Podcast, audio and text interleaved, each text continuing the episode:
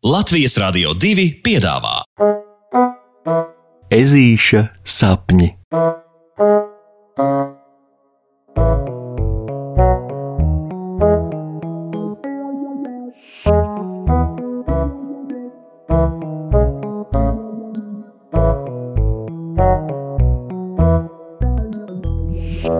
Ezītis svin kraukļa dzimšanas dienu.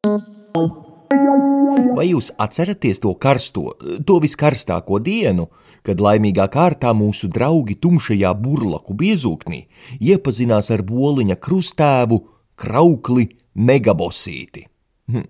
Ja jūs to atceraties, tad atceraties arī to, ka viņš visus zvērēnus ielūdza uz savu dzimšanas dienu, kas ir šodien. Aha, aha. Tāpēc puksītis jau visu rītu staigā pa istabu un prātuļo, ko krauklim varētu uzdāvināt. Redziet, tādam mūžu vecam burlaku karalim jau nu gan ir pilnīgi viss, ko viens sirds var kārot, tāpēc izdomāt dāvanu, kas viņu tiešām iepriecinātu un pārsteigtu, nu ežulim nav nejausmas, boškā villainīt.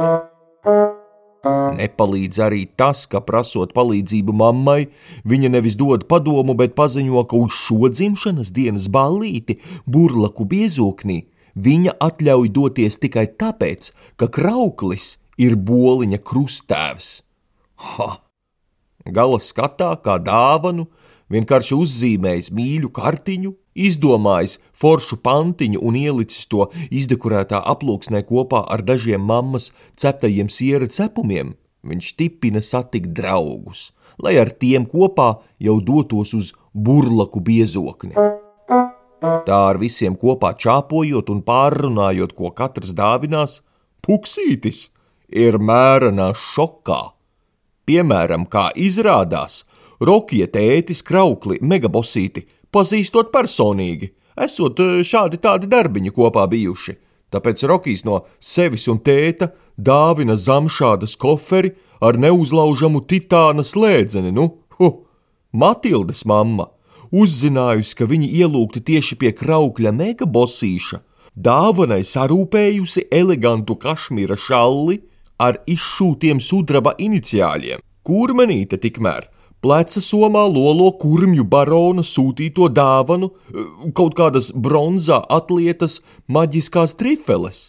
Knapsieriņš zirneklītis Pauls uzmanīgi salocītas dāvanā nes smalkākās zīda kraukļa spārnu uzmavas, bet pats boliņš, iedomājieties, pats vabolis boliņš krustēvam dāvinās biezu, tīra zelta ķēdi ar uzrakstu Megabos pilnīgs vāks, jo viņš puksītis.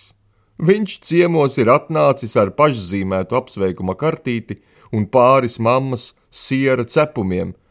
Nu, boškā villainīt kā pie svētā burkāna, kas tāds varēja atgadīties.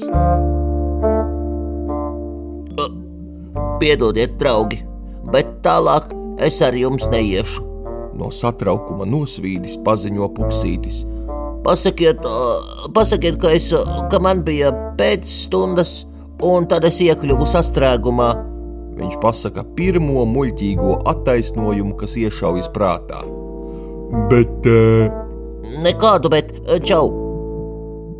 Boliņu pārtrauc ežulis, bet tajā brīdī burlaku meža, kraukļa mūžas, egles koka durvis atveras un melns, bet smaidīgs kā māja saulīte, tajās par saviem jaunajiem ciemiņiem priecājas krauklis megabosītis. Ah, tu beņģis! Viņš, ezis, neaizdomājās, ka būdams mērenā šokā par savas dāvanas atšķirību no pārējām, nepamanīs jau nonākšanu pie pašām burlaku mūžas durvīm. Nāciet tik iekšā, nāciet, nāciet, mani jaunie, mani foršie draugi, viņš aicina. Ah, nu jau gan par vēlu, tas ir skaidrs, un puksītis kopā ar pārējiem dodas iekšā. Kas tik te nav ciemos? Visādi lielmeža, lielpriekšnieki, meleņu ieplakas mērs un tā tālāk. Nu labi, Jāatzīstas, ka tā jau dzimšanas dienas balle pagāja uz urā. Boliņa krustēvs tiešām par zvēru bērniem bija padomājis īpaši, un te ir gan piepūšamās lēkājam atrakcijas, katram savs cukurvates aparāts, kur sev pūkainos kārumus taisīt cik tik lien. Starp citu, cukura vates draugi taisīja un našķēja tikai sākumā, bet drīz vabolis boliņš atklāja, ka no cukurvates sanāk arī labas cukurpikas, kas, protams, izsauca pikošanās cīņas. Cīņas, kas pārauga ūdens lielgabalu kaujās, tikai ūdens vietā viņi šāva ar arbūzu limonādi, mm, nopietni. Tad dzimšanas dienas otrajā daļā pēc kāršu partijas, kur galvenā balva bija čiekuru marmelāde, sākās dāvanu atvēršanas daļa. Ah, tu beņģis! Viņš jau bija piemirsis par to dāvanu būšanu, un ko tik citi nav sadāvinājuši?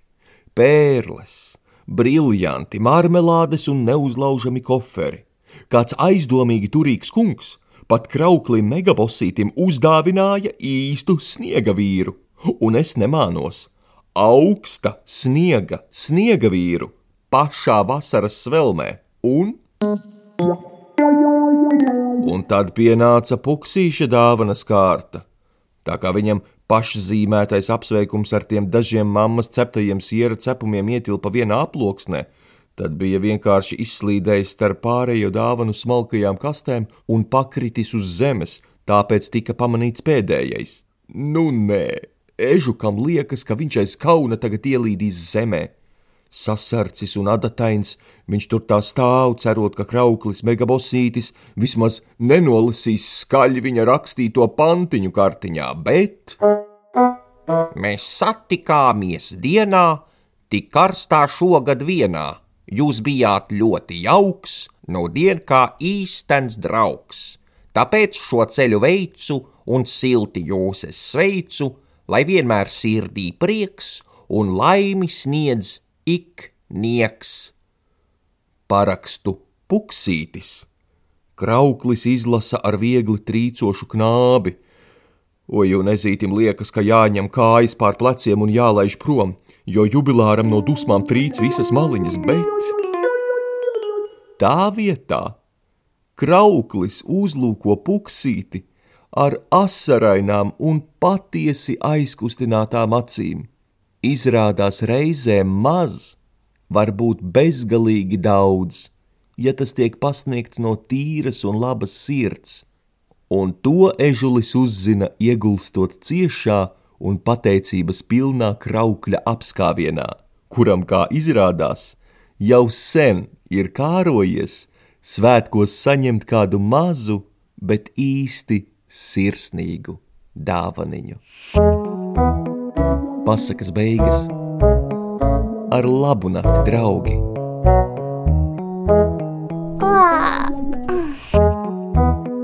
Saldus tev sapnīšus, un tiksimies rītdien!